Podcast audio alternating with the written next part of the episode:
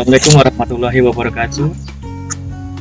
Waalaikumsalam. Waalaikumsalam warahmatullahi wabarakatuh. Salam buat teman-teman mahasiswa PJ dan para pendengar sekalian. Gimana kabarnya? Semoga teman-teman pada sehat ya. Terutama terlindung nih dari wabah COVID. Uh, udah pada bayar UKT belum? Kan lagi masa-masanya bayar UKT nih. Sampai tanggal 2. Tanggal berapa ya lupa gue. Sampai tanggal 27 tuh Oh iya. Gue udah nggak bayar lagi. buat maba yang ongoing. Oh, berarti besok dong terakhir ya? Uh, Iya, buat betul. Teman pendengar, terutama mahasiswa PNJ nih semoga dilancarkanlah urusan administrasi kuliahnya. Kalau soal Amin. kan kadang suka Amin. lu udah nggak ini sub bayar KT Udah enggak, Am. Alhamdulillah. Bismillah ada waktunya lu. Eh, kenalin dulu ya nama gue nama gue Ahmad Ilham Hasanuddin atau biasa dipanggil Am gue dari jurusan TGP 18 atau kalau di BEM itu gue jadi kepala divisi kreatif. Nah, sini gue akan memandu podcast kita pada kali ini. Sini gue nggak sendiri kita ada berempat. Ada pertama eh, pertama kita yaitu adalah Gumilang Mula Putra. Halo Gum. Halo Kak semuanya. Gilang. Halo, halo. Gua Gumilang, boleh dipanggil Gugum biar lebih gampang. Oke. TGP 17 kan ya Gum udah lulus kan lu Gum Iya dari TGP 17 baru habis sidang. Asik. Yang kedua ada Mas Sukma nih, dari Albert 18. Halo Suk, Halo semuanya, Sukma dari Albert 18 di BEM diamanahkan sebagai Kepala Departemen Sosma. Kalau gugum uh, abis sidang, gue lagi menjelang sidang nih, jadi masih berjuang. ya baru mau bawa sampai itu soal itu. Terus ada satu lagi nih Fitriani. Halo Fitriani atau siapa nama panggilannya Fit? Halo, nama aku Fitriani, tapi biasa dipanggil Via. Aku dari bidang Kominfo, Divisi Humas. Salam kenal semuanya. Oh. Udah nyebutin jurusan belum sih? Iya. Belum, belum. Oh iya, jurusan aku Administrasi Niaga Angkatan 2019. Uh, agak kenceng suaranya biar kedengeran. Oke, oke.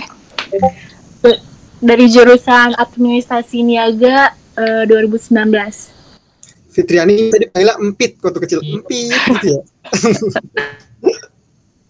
Oke, kan udah perkenalan nih. Gak gitu juga, Kak. Kan sebenarnya mau bahas apa sih kan podcast kali ini? Jadi teman-teman sendiri juga pada tahu kan dari judul uh, posternya kita ini mau bahas soal ppkm, ppkm sama vaksin. Sebenarnya mau apa ya? Dibilang kayak kayak bisa dibilang review atau apa sih istilahnya kayak melihat ke belakang apa yang sudah kita alami selama ppkm ini kan baru aja nih ppkm diturunin jadi level 3 kan.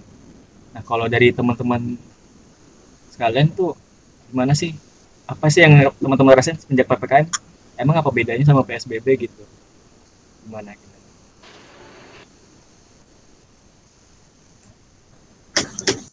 Dari siapa dulu nih, Am? Jadi siapa dulu nih, Am? Ya, saya absen deh, Gumilang. Oke. Eh, Fitrian. Ya. Aduh, gimana nih? Absennya nih. Ah. Cek keluar. Kita. Oke deh. PKM pelan-pelan kita hmm, gitu kan. Apa? Hmm, kalau mau diterusin hmm-nya takut Jaringannya. Oke, apa-apa sih ya. Ya, ya Halo, PPKM. iya. Siapa dulu nih? Fit- Fitriani itu Via dulu nih. Udah ada Via-nya nih. Dulu aja Gum, dulu Gum. Oke deh. Ya kalau gue rasa sih eh, PPKM sama PSBB nggak jauh beda, cuma paling eh, animonya aja yang eh, agak berbeda sih. Sebenarnya cuma ganti-ganti kayak istilah-istilah aja sih. Menghindari istilah karantina mungkin ya. Jadi dari PSBB, PPKM segala macamnya. Kayak gitu sih. Makanya banyak dipleset-plesetin kan PPKM pelan-pelan kita hmm, gitu. Gak diterusin soalnya takut ada tukang bakso di depan rumah. awalnya juga bingung ini apa gitu kan teman gue yang anak hukum itu PPKM apaan tuh PPKM oh ternyata sama aja kayak PSBB gitu. Dan gue gue gue lihat ini kan ppkm diberlakukan terutama ppkm darurat ya. Itu kan semenjak pas bulan Juli kemarin tuh ya covid. Wah lonjak banget kan itu kasusnya. Ya karena varian delta. Jauh banget. Sekarang sekarang ppkm jadi kayak ayam geprek banyak level-levelnya. Dan ini malah jadi kayak eh, kekhawatiran sih kalau gue ngerasa gue ada khawatiran sih ketika diberlakukan level-level itu eh, khawatirnya jadi para pemerintah daerah gitu pada berburu-buru levelnya dari level yang paling rendah gitu. Tapi dengan cara menghalalkan segala cara misalnya manipulasi data atau apa pun gitu. Nah khawatirnya ke arah sana mudah-mudahan pemerintah kita yang baik. Enggak gitu kan. Cuman khawatir kayak gitu aja sih Am. jadi eh, banyak manipulasi data tentang covid ini supaya dapat ra- rapot rapot bagus lah gitu gitu sih Am. kekhawatiran gue karena level-level inilah dan level-level ini bikin orang-orang jadi mulai ah, sih makin nambah bingung deh kayaknya Oh ya, oke. Mungkin eh, dari sekian banyak level dan penamaan yang berubah-ubah sampai tujuh kali lah ya, terhitung tuh. Nama dari PSBB diperketat, ada mikro, makro, segala macam lah ya. Eh, gue sih sepengalaman di PPKM sempet dibuat puter balik di jalan gara-gara emang di Jalan Raya Bogor tuh kan. Eh, nggak tahu lah ada ada penyekatan di situ. Di bulan Juli tuh baru-baru eh, PPKM tuh sebenarnya pas baru-baru aja tuh ininya ketatnya. Tapi kalau udah di akhir-akhir gini ya udah eh, udah nggak ada penyekatan lagi gitu jadi kayak warga pun udah terbiasa dengan PPKM gitu. Udah aku, udah akur ya yang tadinya kaget mungkin segala kegiatan dibatasi. Sekarang udah mulai kembali eh, normal walaupun yang nggak normal banget gitu. Terus eh, selain itu juga kalau kalau gue sih kalau yang sekarang ya PPKM kan sampai tanggal 30 ya kalau nggak salah ya? 30 ya? Ya benar 30 Agustus. Jadi udah kayak eh bebas aja gitu di jalan raya rame terus kayak eh yang penting pada pakai masker gitu. Nggak yang seketat di pertama mungkin levelnya juga udah turun ya. Gitu sih. Jadi gua pun sebagai mahasiswa yang apa ya dalam artian ngejar tugas akhir juga yang harus ke bengkel ini jadi kayak dibilang nggak taat ppkm ya gimana?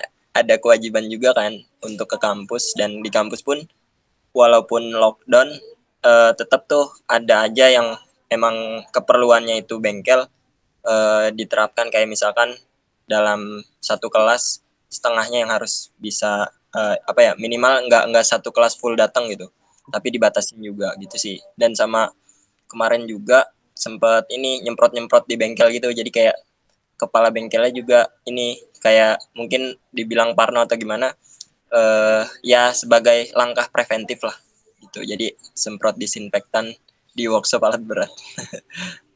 Itu bener gue kan di pertengahan ppkm gue udah- juga udah mulai berani keluar tuh pas gue lihat kan padahal kan perpanjangan. Gue ngeliat di jalan jalan raya terutama di pasar ya kan gue deket rumah gue deket pasar. Wah itu ramai banget. Berasa kayak kayak ppkm anjir.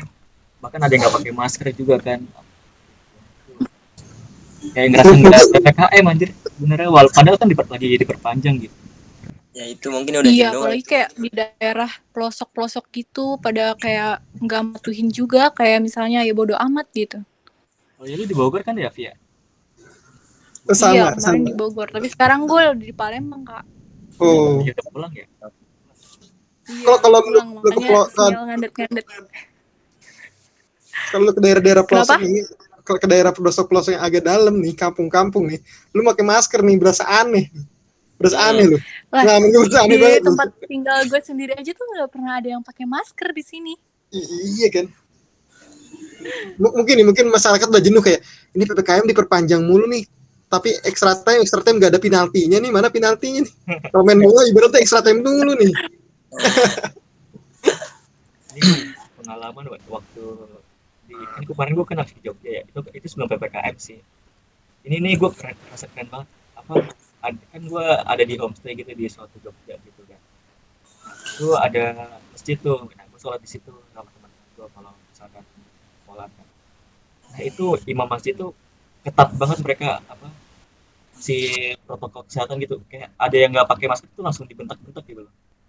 Wah ini. Padahal udah tua loh aki-aki gitu kan yang mungkin kita mikir kayak "Ah, paling orang nggak nggak terlalu peduli lah gitu soal covid gitu kan soal protokol kesehatan.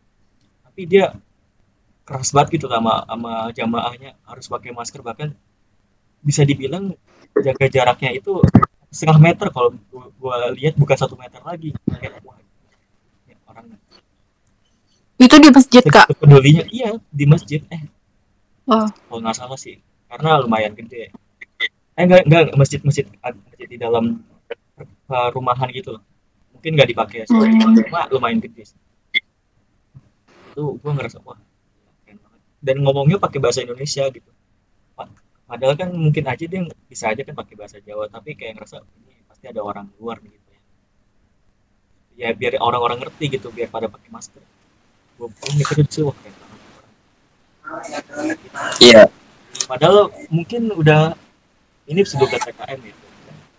Paling orang ngira "Ah, covid udah nggak terlalu parah, tapi dia masih aja eh, mengetatkan protokol gitu di masjidnya sendiri. Itu sih pengalaman gua waktu ke Jogja kemarin. ya mungkin kalau Hmm. emang di kota-kota besar sih emang gitu am. Maksudnya kayak eh apa ya lebih lebih ketat banget ya. Mungkin kalau kata Pia tadi di desa pelosok itu ya bisa dibilang benar kata Bang Gugum kita kalau pakai masker di sana tuh minoritas. Jadi Iya. kayak waduh Aneh. gimana dianggap aneh atau gimana gitu orang kota lah yang ke desa. Nah bahkan di sana ppkm tuh ya udah kayak nggak ada apa-apa gitu. Sebenarnya kan kalau PPKM berlaku di di kota gitu. Kalau misalnya di pelosok-pelosok kan? mungkin Mm, iya benar. sama Bali. Cuma beda, Sub. Gua kan ini ya di musola gua itu kan di ini di Jakarta loh. Justru pas gua setiap sholat di situ orang-orangnya nggak ada aja yang jarang nggak pakai masker gitu loh. ya kan ketua musolanya sendiri gitu. Yang paling yang pakai paling cuma gua sama beberapa orang. Dan pakai masker itu kalau cuma ada pengajian doang gitu. Kalau ada ustadznya kalau ada ya udah kalau nggak pakai masker. Tapi sekarang nggak tahu sih gua lagi jarang sholat di musola jadi nggak tahu gimana kondisinya sekarang udah pada taat protokol kagak sih. Kalau pengalaman gue, kenapa? Ya Via. Ayo Kalau Kak. gue kemarin Via dulu kayak dulu deh pengalamannya. Ladies Kalau first. gue kemarin pengalaman eh, itu sih pas naik kereta kan gue anak angker ya anak kereta banget nih. Kan biasanya kalau misalnya naik kereta kan biasanya ya biasa aja gitu naik tinggal beli karcis ya udah. Tinggal masuk naik kereta. Sekarang kayak ribet gitu harus ngantri dulu. Terus eh, apa nyerahin ber- nyala- nyerahin kayak bukti kalau misalnya lu kerja atau lu ada keperluan apa gitu. Kayak sebagai mahasiswa sebenarnya agak ribet sih kayak gitu. Itu sih. Gue nggak ngerasain jadi nggak nggak tahu rasanya juga karena jarang banget naik angkutan umum. Mungkin yang paling ngerasain dampak ppkm ini ini nggak sih para pelaku usaha terutama iya bener banget. yang yang buka UMKM menengah ke, ke bawah gitu kan. Benar-benar pas awal-awal di, di terapi rasa ppkm diberlakukan bahkan kayak sampai apa ya mobil pemadam kebakaran sampai segitunya. Itu kalau menurut lu gimana Gum sebagai seorang yang pakar kemanusiaan? Kalau kemarin gue liat eh, tetangga gue ada yang jualan gitu am, dan jualan bilang, tadi cuma jualan kue, pas ppkm dia kok jualannya lebih banyak jadi gak cuma jualan kue, gue bilang, wih bagus nih usahanya nih, udah pekar, gitu. udah jualan kulkas, jualan TV, loh, bagus nih. Ternyata emang emang udah gitu, udah emang jual-jualan aja udah gak punya duit ternyata. Astagfirullah. kirain jualan ini jualan buat jualan jarang Jarang ya. Bukan mekar usahanya emang udah banyak utang aja jadi pada dijual-jualin. Usahanya nggak laku. Ya, kayak gitu sih banyak eh, usaha-usaha terutama UMKM yang terdampak banget gitu kan. Terlebih budaya mungkin nggak banyak budaya bukan eh, banyak orang Indonesia yang nggak nyimpen uang gitu.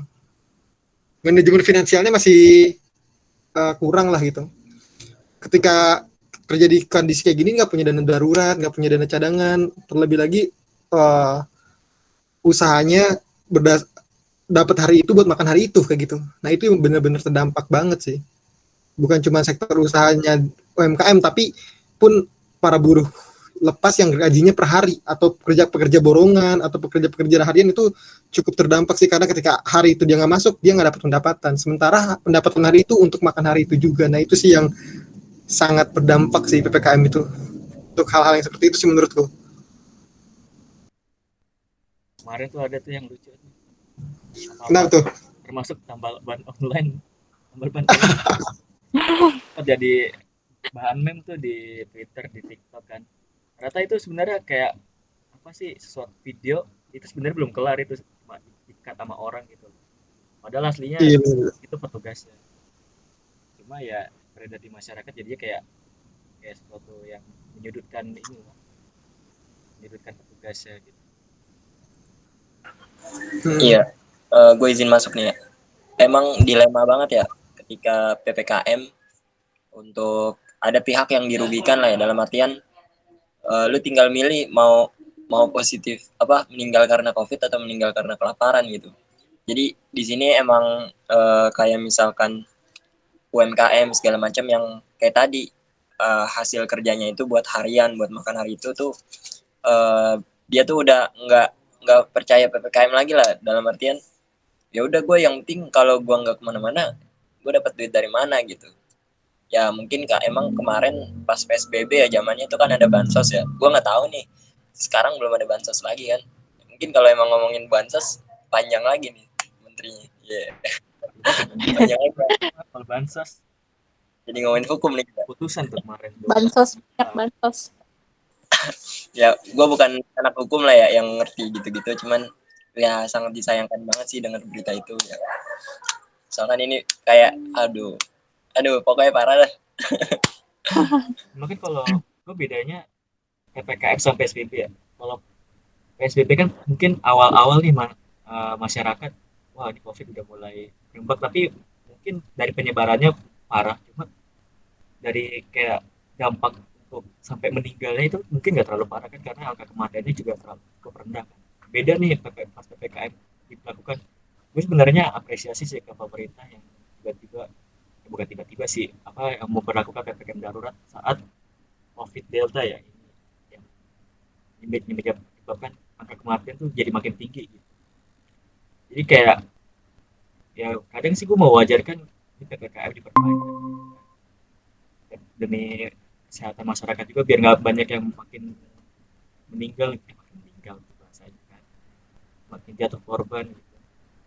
Cuma ya kadang-kadang selalu ada yang di, jadi dikorbankan gitu. Ya saat itu yang jadi korban saat ini ya para pelaku usaha itu. Gitu. itu sih kalau lu pada i- gimana? Keluarga atau tetangga atau dari teman kuliah? Kena covid gitu nggak?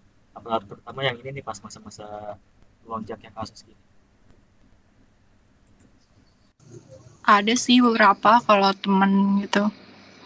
Terus ada juga kerabat keluarga ada yang sampai meninggal juga karena covid. Hmm. itu tuh waktu kemarin kominfo bikin ini ya. Dan eh, sama sosma juga kan ya sebenarnya kan ya? Apa sih namanya so? dana duka ya? Apa? yang di, di template itu loh sampai itu sampai full banyak banget. Yang orang Iya. meninggal kan kayak wah. Itu rekor. Ini ini. Selama gue sosma ini kacau sampai banget. sampai sebanyak itu loh pas yang da- bahkan dari dari PNJ sendiri gitu gimana dari tempat lain. 30 33 orang dari semuanya juga belum tentu juga sih sebenarnya orang tuanya kena covid apa bukan Nah itu tuh bisa jadi perdebatan juga tuh ini orang-orang ini apakah enak gimana bahasanya para korban ini meninggal. Lu kan banyak perdebatan tuh ah ini mah bukan karena covid gitu kan karena karena hal lain gitu kan. Ini sebenarnya pembahasan di tempat lain sih. nah, nah itu sih eh, menurut gua jadi satu hal fenomena yang menarik di gua- di wilayah gua. Kenapa? Karena range kematian range kematiannya itu gila-gilaan banget. Bulan kemarin itu sampai 40 orang dalam waktu sebulan. Gila nggak? Satu desa itu. satu Wow. orang nah sehari rata-rata satu udah bener-bener orang jadi makin parno jadi orang-orang makin stres dan eh, walaupun itu meninggal bukan nggak semua karena covid dan nggak karena covid belum tentu karena nggak karena covid karena nggak di nggak dicek gitu. Kalau Hmm. ketika dicek bisa jadi karena covid kayak gitu. Karena emang nggak ada pengecekan jadi tracing itu susah banget. Dan eh, khawatirnya ketika angka kematian makin tinggi tapi tidak terlacak itu karena covid atau bukan penyebarannya terus berjalan dan tanpa sadar. Jadi nggak ada preventif kayak gitu sih. Kenapa nggak dicek sih? Nah itu balik lagi tadi. Karena orang takut gitu. Orang-orang takut ketika di- dicek terbukti positif dia harus karantina diri nggak ada yang cari nafkah. Nah itu sih dilematis ini Eh, satu sisi menyelamatkan dari virus di sisi lain eh, karena tidak ada pendapatan tadi ini bilang Sukma nah itu sih yang perlu eh, kolaborasi dan gotong royong semua pihak supaya pedang bermata dua itu paling enggak enggak bermata dua gitu. Ketika kita bunuh virusnya dengan karantina jejaring sosialnya jejaring keamanannya eh, gotong royong itunya nah itu perlu diperkuat supaya pedang itu nggak jadi bermata dua sih. Sebenarnya bukan bukan karena takut pos- positif sih kalau orang-orang takut ngecek tapi karena takut duitnya gitu karena PCR kan mahal ya. Iya bener. itu banget. Satu juta loh kemarin takut duitnya berapa? 500 loh. 400 Karena kalau swab itu kurang efektif kan. Kalau antigen. hmm.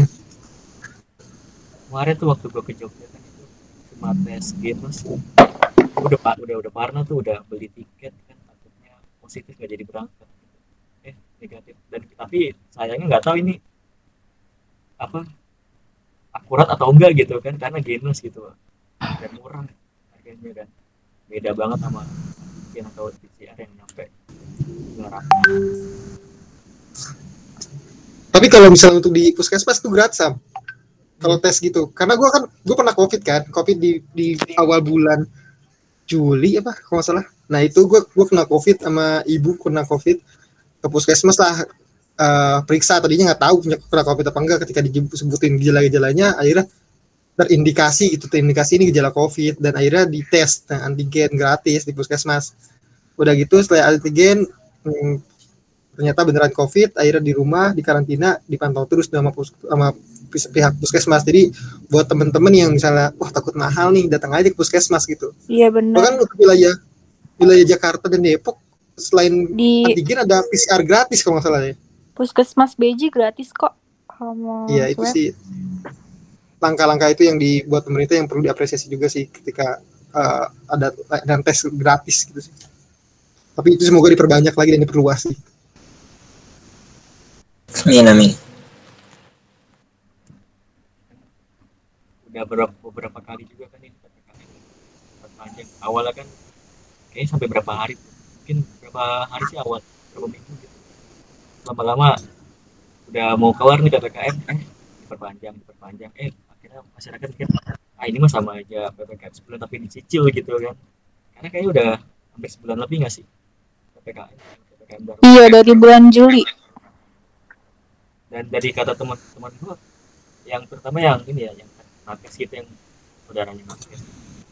Sebenarnya di kondisi di rumah sakit pun di UGD gitu udah nggak terlalu udah nggak banyak gitu loh pasien-pasien COVID. Kayak awal-awal Juli awal-awal ppkm gitu. Tapi kadang-kadang masyarakat heran kok ini masih diperpanjang gitu dan dan untungnya sekarang diperpanjang tapi turun level gitu gitu Nah, terkait yang tadi lu bilang nih di rumah sakit rumah sakit uh, bed okupasi rate-nya udah mulai turun kan.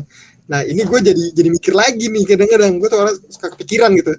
Jangan-jangan bed okupasi rate-nya kenapa turun? Kenapa rumah sakit jadi pada sepi? Karena orang-orang nggak mau ke rumah sakit. Kalau udah sakit ya udah karena takut.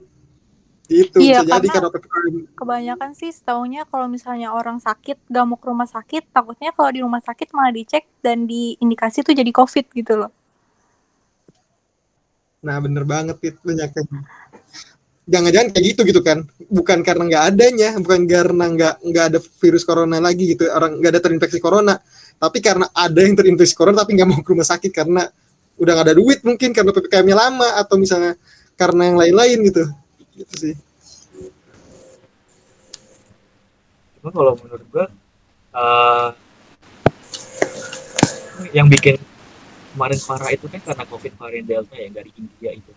Dan India juga sempat ngalamin tuh yang lonjakan kasus sama. Tinggi banget angka kematiannya dan menular gitu ke Indonesia. Dan India pun juga udah mulai pulih gitu. Dan Indonesia sebenarnya juga udah mulai pulih kalau dari kelihatannya kan kalau nggak kalau ini kita nggak kalau kita mengesampingkan apa yang tadi lu bilang tuh gitu kan. Dan dari artikel yang gue baca tadi bukan artikel sih apa sih kayak berita gitu loh. Di Twitter kalau kata itu Jakarta udah lumayan tinggi, tinggi. jadi karena kita udah berperang nih lawan uh, berarti kita udah berhasil untuk membuat orang-orang masyarakat Jakarta ini bisa lebih kebal gitu terhadap COVID gitu kan. Karena kan immunity-nya udah tinggi ada yang karena udah pernah kena nih jadi herd immunity-nya kebentuk. Ada yang karena udah vaksin jadi semakin kebal gitu kan. Berasa bisa nih jadi kabar positif buat terutama buat Indonesia sih. Terutama daerah Jawa Bali. Kalau sebenarnya itu udah itu udah melewati badai gitu kan. Kalau menurut lu gimana? Soal terutama herd immunity juga. Am gua masuk bisa am. Sukma dulu nih Sukma dulu nih kayaknya nih. Tapi gua masih nanggepin yang tadi am. Yang ada dua stigma nih tentang rumah sakit ya. Nih sorry ya belum kejawab yang baru ini dulu.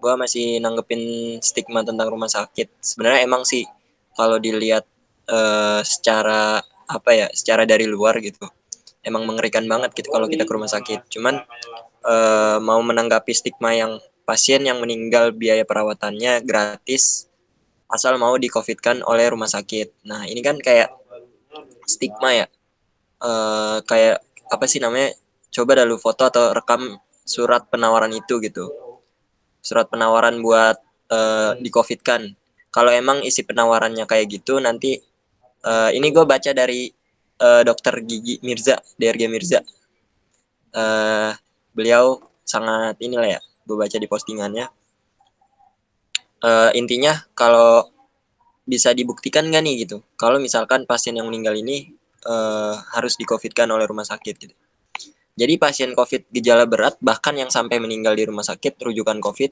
biaya perawatannya ditanggung oleh Kemenkes. Jadi emang gratis. Jadi keluarga pasien memang tidak ditarik biaya dari rumah sakit. Surat itu ditandatangani oleh keluarga pasien yang meninggal gunanya bahwa info bebas biaya itu sudah diinformasikan dari rumah sakit ke keluarga pasien. Makanya dibaca baik-baik isi suratnya. gitu, intinya gitulah. Uh, jadi bukan karena gratisnya itu bukan karena harus di covid kan tapi emang itu dari Kemenkes gitu nah stigma yang selanjutnya lagi yang orang meninggal di rumah sakit keluarganya akan disuruh tanda tangan surat persetujuan covid. Nah ini kan kayak eh, sangat apa ya sangat menjatuhkan marwah rumah sakit lah ya. Nah coba kalian eh, mungkin yang beranggapan begini dibiasakan membaca dulu. Surat itu namanya inform consent atau surat persetujuan. Persetujuan untuk apa? Untuk dilakukan tes kepada jenazah untuk mengetahui apakah COVID atau bukan. Sehingga jika COVID, maka akan dilakukan penguburan sesuai protokol COVID untuk mencegah penularan. Ya kali jenazahnya yang disuruh tanda tangan kan, makanya keluarganya yang diminta untuk tanda tangan. Gitu sih. Jadi kayak mungkin dari teman-teman uh, jangan jangan main judge atau gimana ya.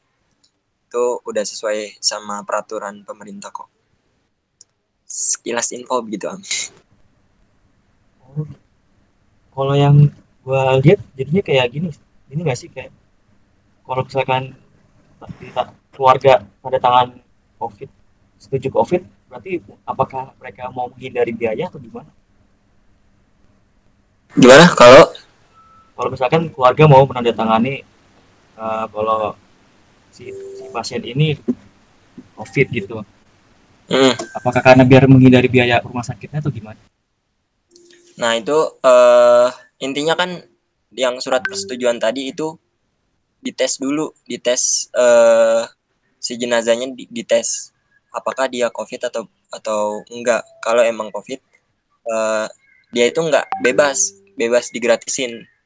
Dalam artian udah ditanggung ke Menkes makanya eh, penguburannya juga pakai sesuai protokol COVID. Tapi kalau emang gua gua nggak nggak tahu sih kalau emang ada motif kayak gitu itu menurut gua udah melanggar peraturan sih kalau emang ditanda tangannya biar gak bayar gitu. Maksudnya ya berarti kan nggak sesuai sama apa yang ada gitu. Paham nggak? Tapi mungkin aja sih kayak hal itu terjadi kalau gua rasa. Gua gua sih nggak tahu ya karena gua pun belum pernah ke rumah sakit jadi nggak tahu. Iya sih. Oh dari lu gimana? Dapat tuh soal itu. Gimana tuh? Gimana tuh? Soal yang mana ya aja. Soalnya mana tuh?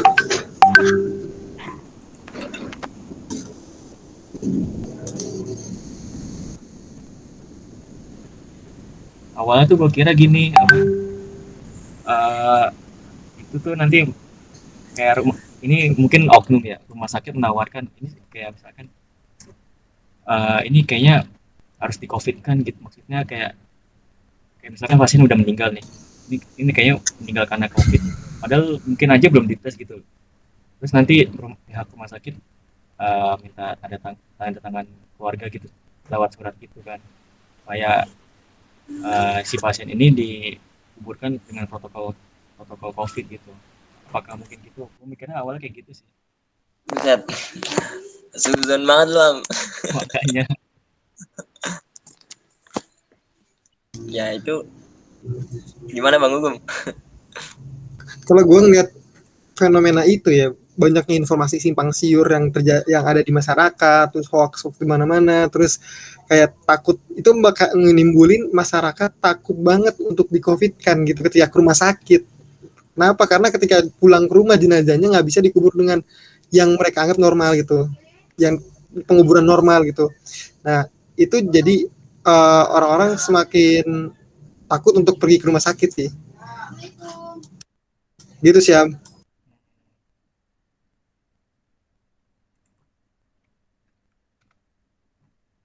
itu Am.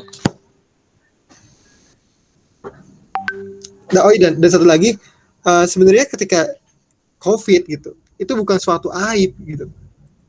Karena kadang mungkin yang takut swab yang takut eh, COVID kan dan segala macam itu menganggap COVID jadi suatu aib gitu itu sih tapi kayaknya sekarang udah nggak terlalu sih. Karena bahkan ada aja orang yang kayak dengan bukan dengan polos ya, dengan apa ya? Dengan biasa aja mengaku dirinya COVID gitu. Karena kayak udah biasa kan udah banyak juga kan kasusnya. Beda mungkin kalau misalkan kayak awal-awal dulu pandemi. Kan orang orang-orang masih pada parno banget tuh soal covid kan. jadi pada takut kalau misalkan kena. dan ketahuan. Mungkin disebut aib karena emang sih awal-awal ya. Sekarang mah udah ada yang posting akhirnya gue positif gitu. Kayak kayak inilah ya maksudnya udah santai. Tapi awal-awal tuh kenapa pada takut? Karena mereka takut dibawa ke wisma atlet takut dibawa ke rujukan rumah sakit rujukan covid gitu. Jadi kayak parno lah gitu. Lebih baik gue diem diem aja di rumah nggak usah nggak usah tes segala macam. Sejujurnya gue juga kayak gitu sih waktu dulu. Kan gue ngerasa gejala covid. Dan beneran dua minggu gue nggak gue nggak tes. Tapi gue ngerasain gejalanya dan dan gue cuma milih di rumah doang. Itu bulan September.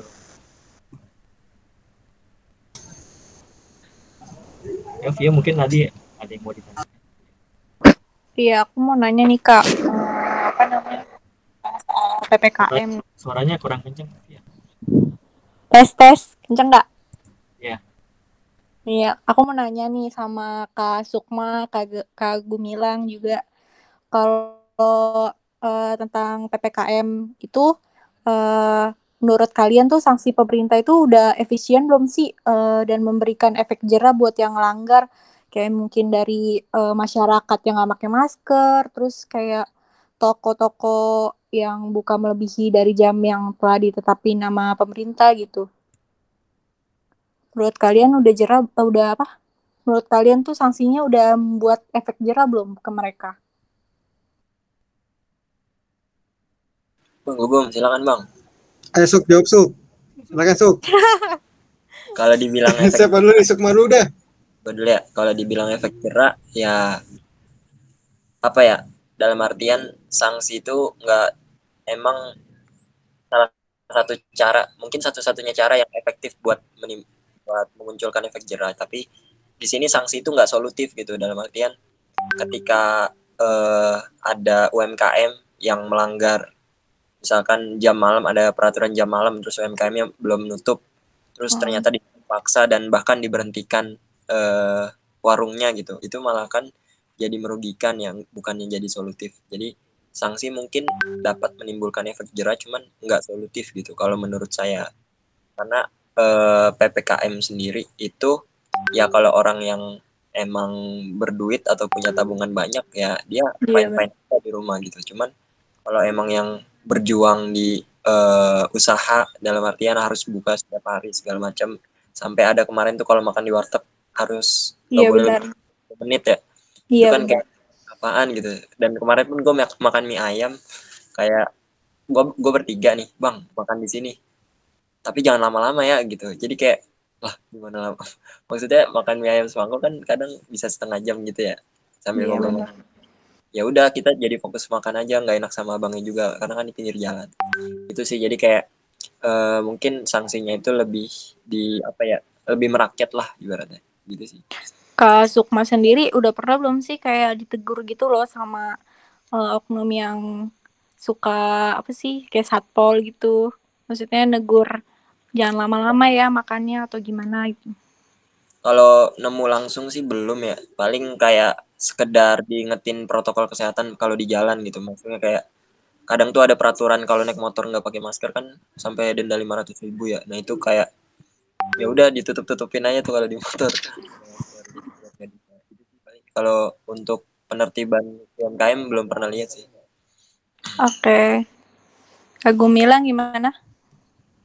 Kalau gue ngeliatnya gini, ketika kita ngomongin sanksi, sebelum kita sanksinya, ada nggak alternatif supaya orang-orang itu nggak kena masalahnya dan nggak dapat sanksi kayak gitu. Hmm. Contohnya gini deh, kayak sebelum kita bikin sanksi, yang langgar, yang buang sampah sembarangan harus push up gitu, misalnya.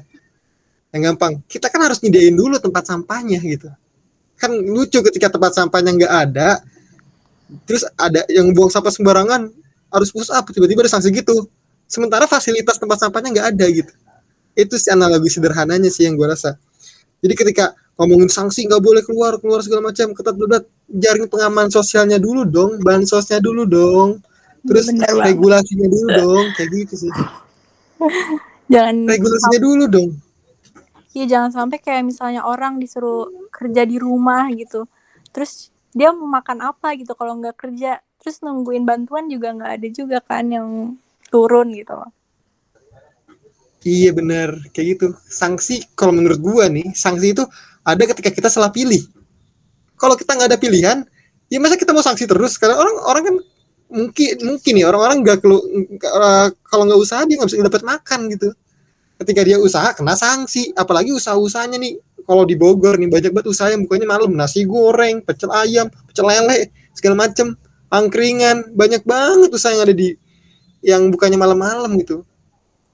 Kan kemarin-kemarin rame kan pembatasan-pembatasan malam hari. Nah itu sih yang apa yang gua rasa perlu dulu nih alternatifnya nih kayak gimana nih? Dan lihat dulu nih kalau misalnya mau ngelakuin sanksi bener-bener riset dulu nih ke lapangan nih apakah dampaknya buat mereka kayak gimana? Mereka masih bisa bertahan hidup nggak sih ketika ada regulasi yang kayak gitu gitu? Pen- penurunan pendapatannya masih dijangka aman atau enggak sih gitu? Ya pasti penurunan pendapatannya itu sebagai suatu resiko dari covid ini kan gitu kan? Tapi penurunan pendapatan ini sampai kapan? Sampai mana batasnya gitu untuk satu UMKM gitu. Contoh lah ada yang jualan nasi goreng misalnya. Kalau penurunan pendapatannya dia cuman akhirnya dia turun pendapatannya 98% gitu. Uh dia juga bingung tuh hidup gimana tuh. Kayak gitu kan? Iya benar banget bang. Sih, menurutku alternatifnya dulu ada baru sanksinya dipikirin. Dan ketika ngomongin sanksi perlu riset dulu nih bener-bener. Kayak gimana kenyataan di lapangannya gitu sih Sesuai atau enggak ya? iya gitu deh. Mungkin di awal-awal tuh masih seketat-ketatnya sampai mobil pemadam turun buat nyaksiin para pedagang yang nakal. Itu kejam banget sih menurut gua. Tapi gak, di, gak dibantu gitu loh urusan perut mereka. Tapi ya ada tuh yang kemarin tuh yang sempat viral kan yang di Bali. Pedagang nggak tutup-tutup akhirnya diborong buat belanja apa dagangannya gitu. Sama satpol pp itu buat itu keren sih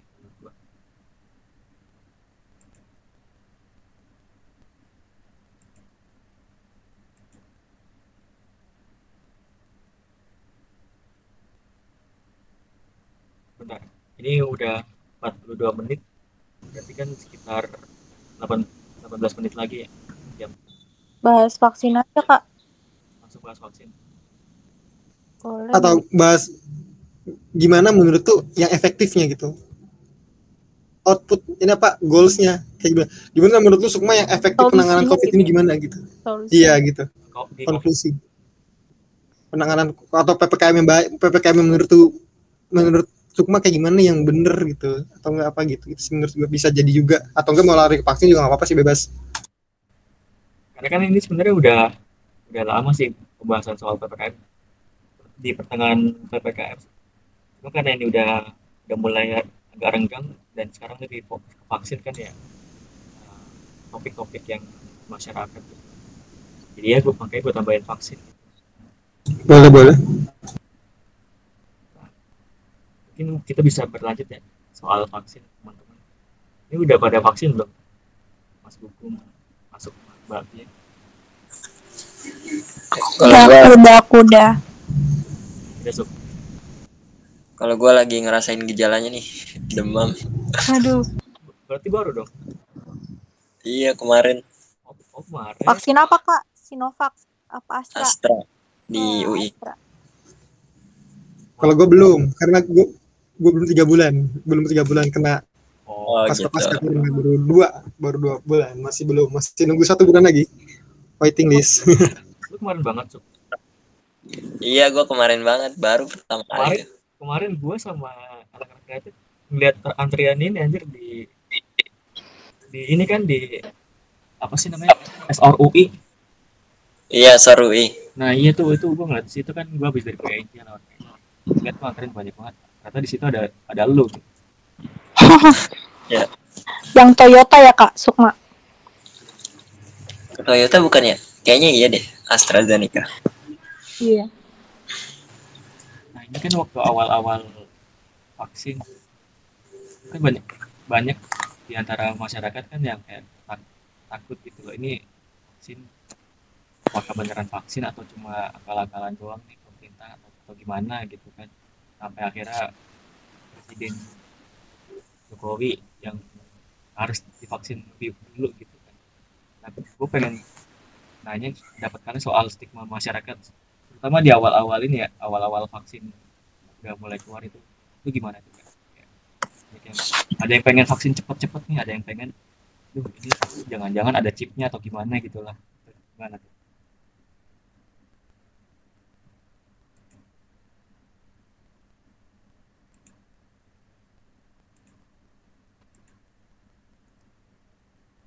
halo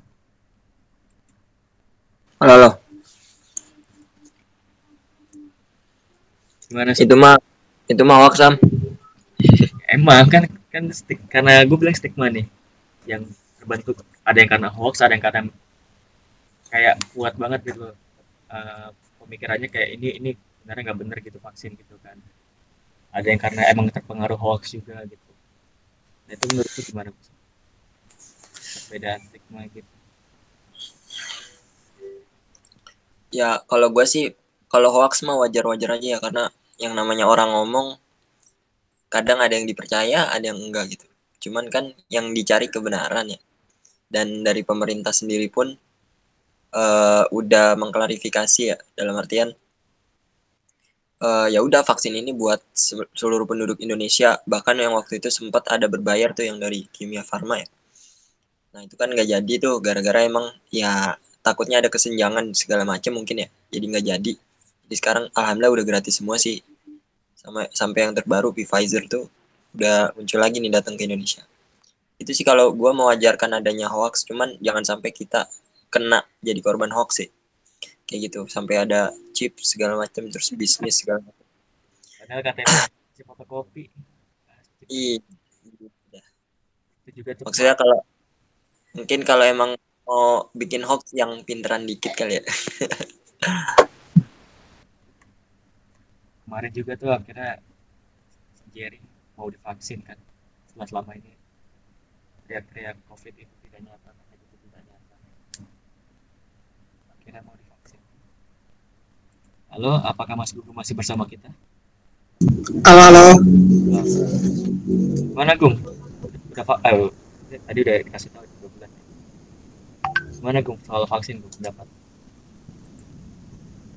Soal vaksin, eh, menurut gua di sekarang-sekarang udah mulai masyarakat udah mulai dewasa untuk ya perlu vaksin gitu. Karena terlihat di beberapa antrian banyak membludak gitu ya. Walaupun antrian-antrian itu bikin bisa jadi kena ketika mau antri vaksin gitu kan.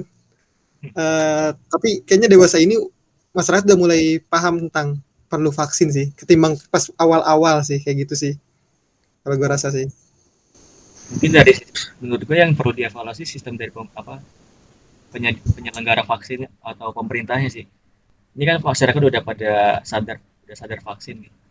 dan bahkan sampai yang tadi lu bilang setiap antrian vaksin tuh sampai penuh gitu kan mungkin dari penyebarannya penyebaran vaksinnya bisa di apa bisa dievaluasi baiknya seperti apa supaya eh, nggak nggak sampai kejadian yang harusnya mas, eh, masyarakat tuh dapat vaksin tuh sehat malah pas ngantri udah kena covid duluan gitu loh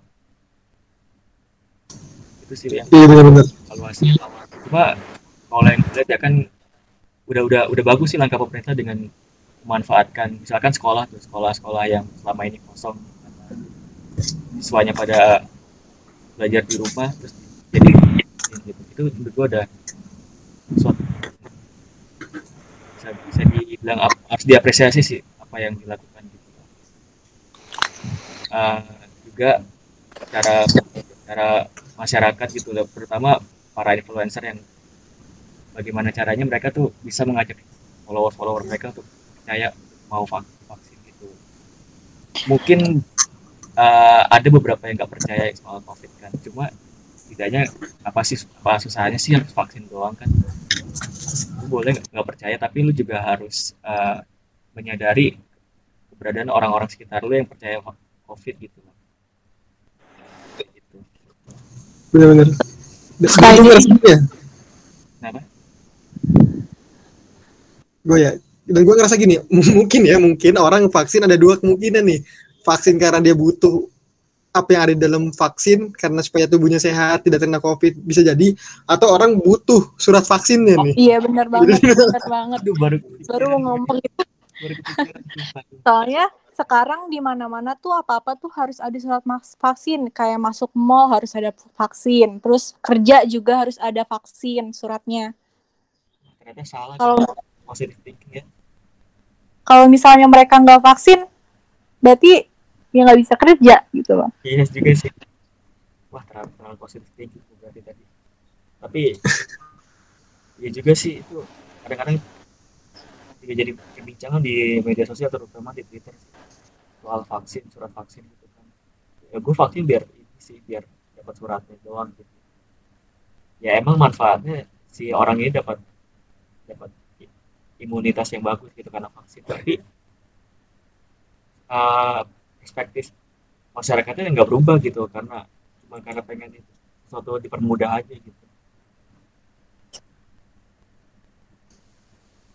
Iya, tapi terlepas dari apa pun alasannya, ya kita bersyukur dan perlu apresiasi karena vaksinasi sudah mulai dipergencar sih. ini kayak Gitu sih. pemerintah juga nggak strategi kita nggak sih dengan cara me- mewajibkan ada surat vaksin sehingga para uh, masyarakat tuh mau divaksin ini kayaknya strategi marketing sih jadi. bukan marketing kan bukan marketing sih jadi karena kan kalau marketing kan kagak Bayar. kita kan nggak bayar dalam Iya artian bayar. kita tuh eh, pemerintah tuh mau ke herd immunity kalau lu tahu itu kekebalan bersama Jadi gimana herd immunity itu bisa tercapai kalau 70% populasi di Indonesia itu udah divaksin. Dalam artian uh, sebelum ada vaksin ya, bahkan herd immunity itu ibaratnya kan vaksin itu dari virus. Nah, uh, pokoknya banyak lah ya Sinovac, AstraZeneca, Pfizer itu kan dari virus. Nah, uh, kalau misalkan uh, sebelum ada vaksin nih, jadi gimana caranya 70% ini harus kena COVID dulu, biar imunnya udah satu imun gitu, udah satu herd immunity. Nah, tapi setelah ada vaksin, jadi kita nggak nggak per, yang 70% uh, apa penduduk Indonesia ini nggak usah nggak perlu positif COVID semua gitu, tapi dengan cara vaksinasi. Jadi virusnya virus dari vaksin gitu. Nah, harapannya ketika udah tercapai herd immunity, kalau sekarang sih belum masih belum ya, karena kan dari 270 juta, 70 persennya aja berapa tuh? Masih banyak jutaan orang lagi yang harus divaksin gitu, supaya bisa tercapai herd immunity. Karena di Italia, di eh, negara-negara uh, kayak mungkin di India juga pernah ya, itu dia mereka tuh udah tercapai herd immunity. Jadi udah uh, sampai gue tuh ngelihat pada buang masker gitu. Jadi kayak udah cukup masker pakai masker udah cukup. Itu sih. Jadi uh, mungkin strategi yang menjadi alasan surat vaksin itu wajib dibawa ke mana-mana apa-apa pakai surat vaksin itu strategi pemerintah untuk mencapai herd immunity. Itu yang gue baca sih dari Singapura sih. Karena mereka mungkin penduduknya gak sebanyak Indonesia. Sekitar 17 juta eh 15 juta penduduk mereka. Jadi lebih mudah sih uh, memvaksin. Dan bahkan kan Singapura juga udah menyatakan bahwa mereka itu berdampingan dengan COVID dan menganggap COVID itu luar biasa. Karena tingkat vaksinasi keberhasilan vaksinasi mereka yang yang udah lumayan tinggi gitu. Kemarin juga tuh yang saat penyelenggaraan Euro kan saat Portugal gue lupa lah siapa lawan siapa. Pokoknya itu tuan rumahnya Hungaria. Itu bahkan sampai satu stadion aja pun itu full gitu nggak ada yang pakai masker. Setelah itu dari tahu ternyata emang dari negara Hungaria sendiri udah memvaksin hampir 70 persen 70 persen lebih mas uh, warganya. Jadi mereka ya udah berdamai gitu lah dengan covid. Bahkan sampai mereka tuh udah bisa buka stadion full gitu. Itu itu keren banget sih bener-bener sih tapi jangan sampai ketika vaksinasi jadi kita lengah sih. Khawatir gitu sih. Kadang-kadang udah vaksin sudah pernah kena kayak aku kebal aku kebal oh kagak pakai masker segala macem gitu kan.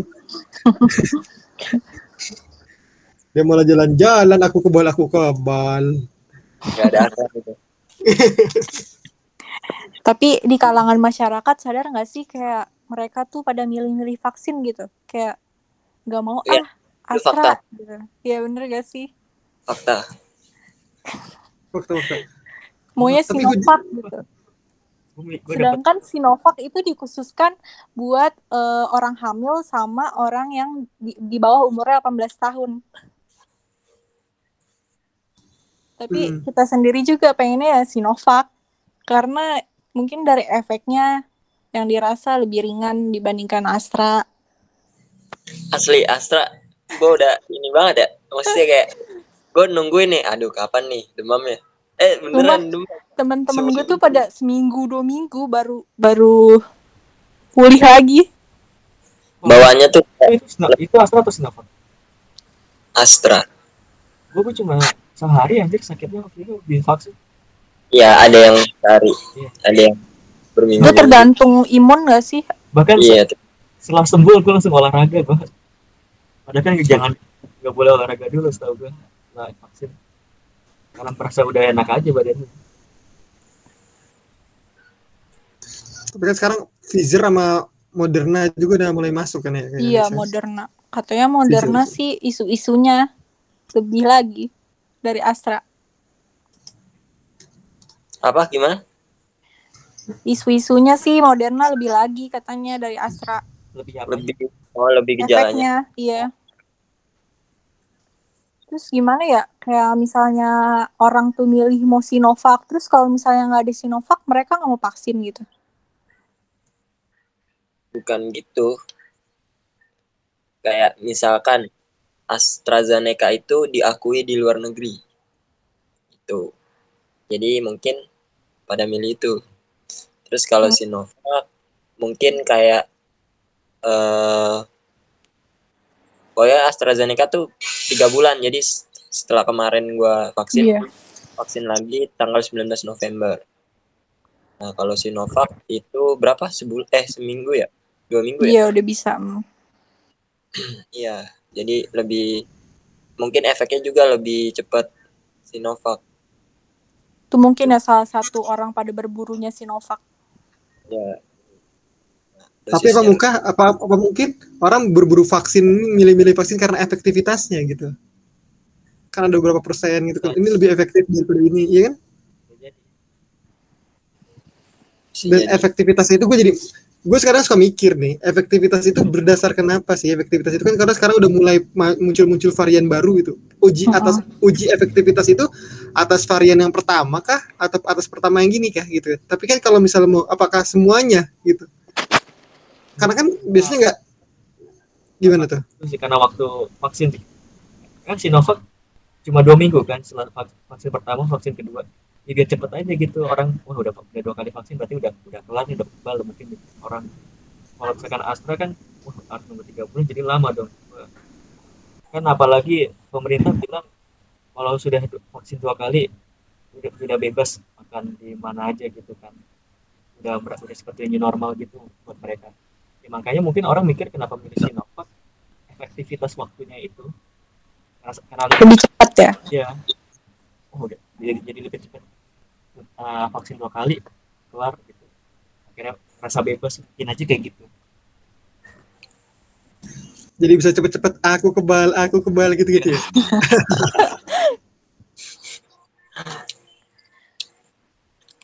udah satu jam nih guys mau diakhiri Am, atau gue mau bacain ini. Jadi kan kemarin Sosma tanggal 11 sampai tanggal 18 itu kita survei mahasiswa PNJ yang udah vaksin tentang vaksin lah.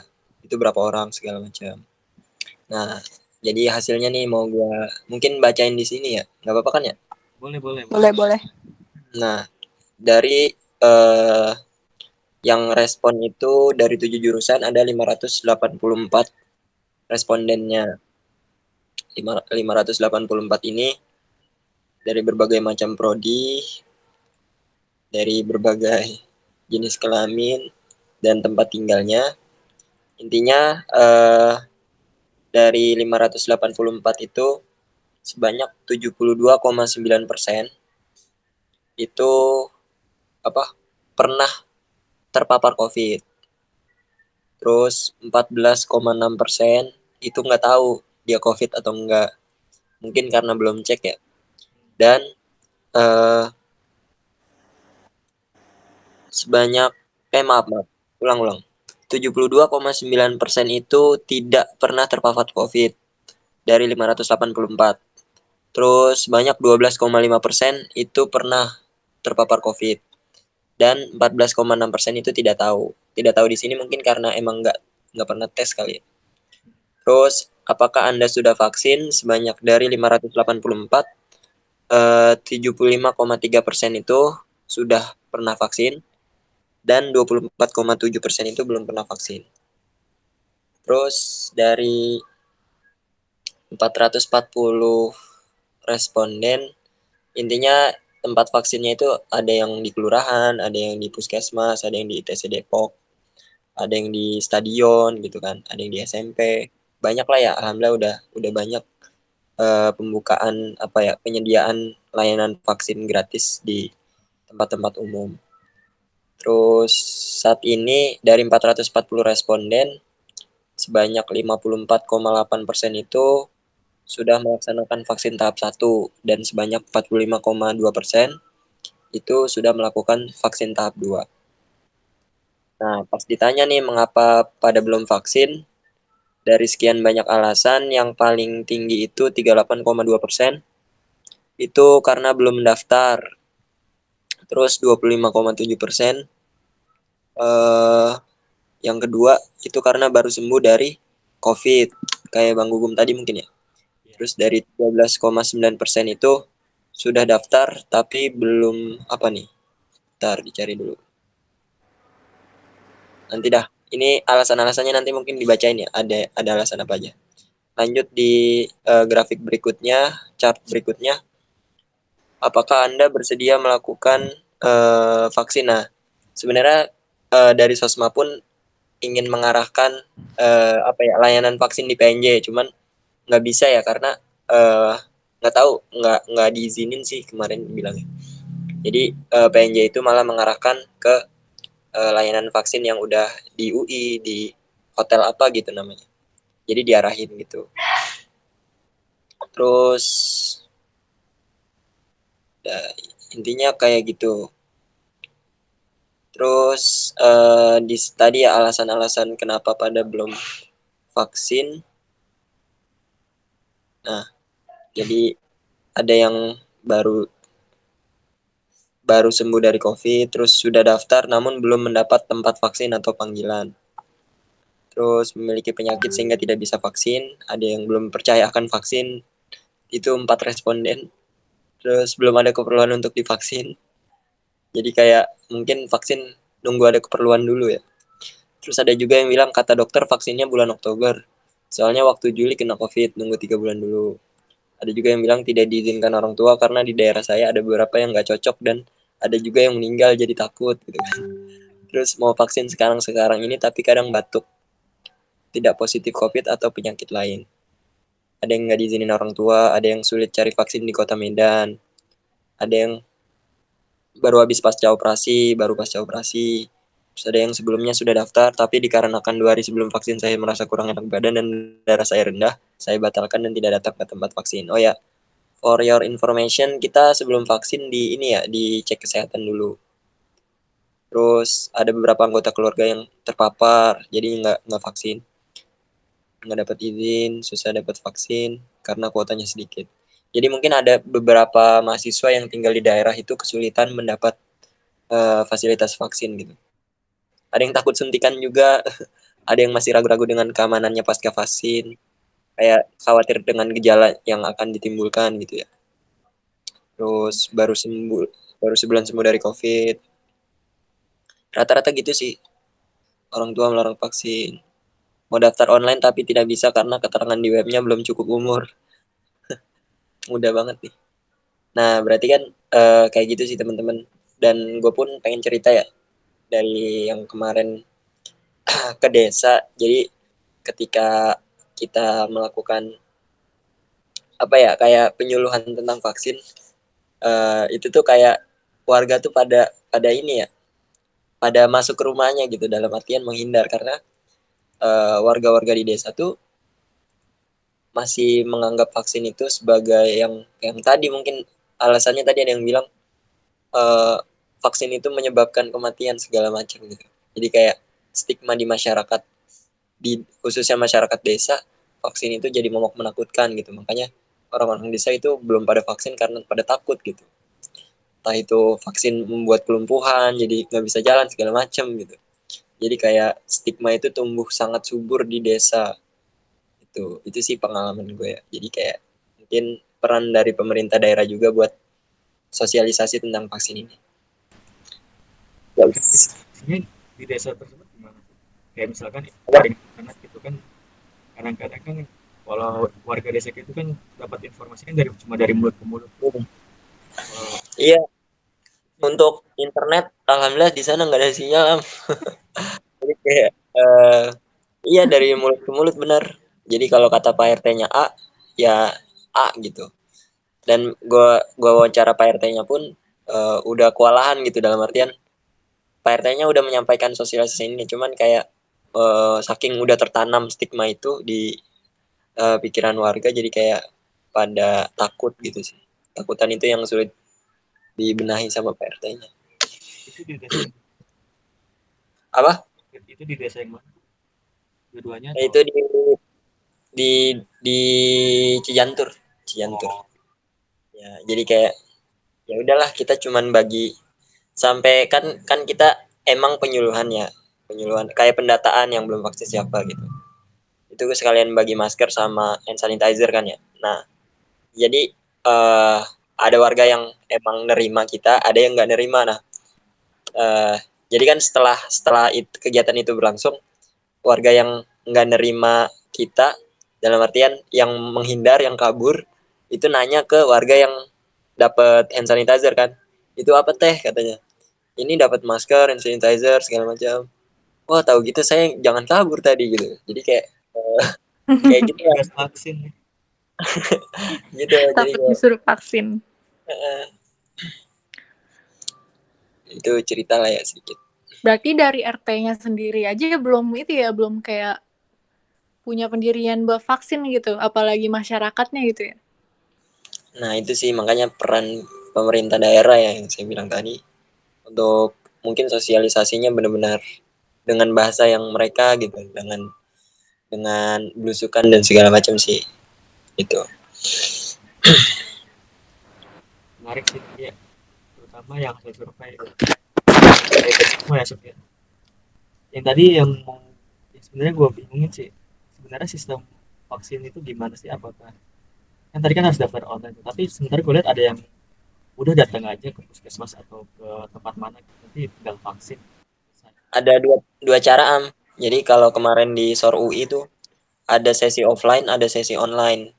Biar aman sih kita ngisi link online dulu biar udah pasti gitu. Nah, kalau kalau offline kan kayak ngisi data-data lagi ya.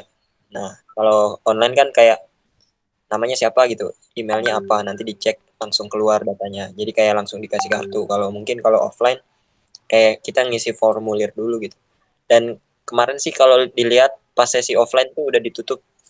Pas gua datang dia udah tutup gitu. Nggak tahu karena nggak buka atau karena udah penuh slotnya gitu. Nggak tahu sih. oh baru tahu ternyata emang emang beda-beda. Ada yang langsung offline ada yang harus online dulu. Karena gue waktu vaksin dia harus daftar online dulu.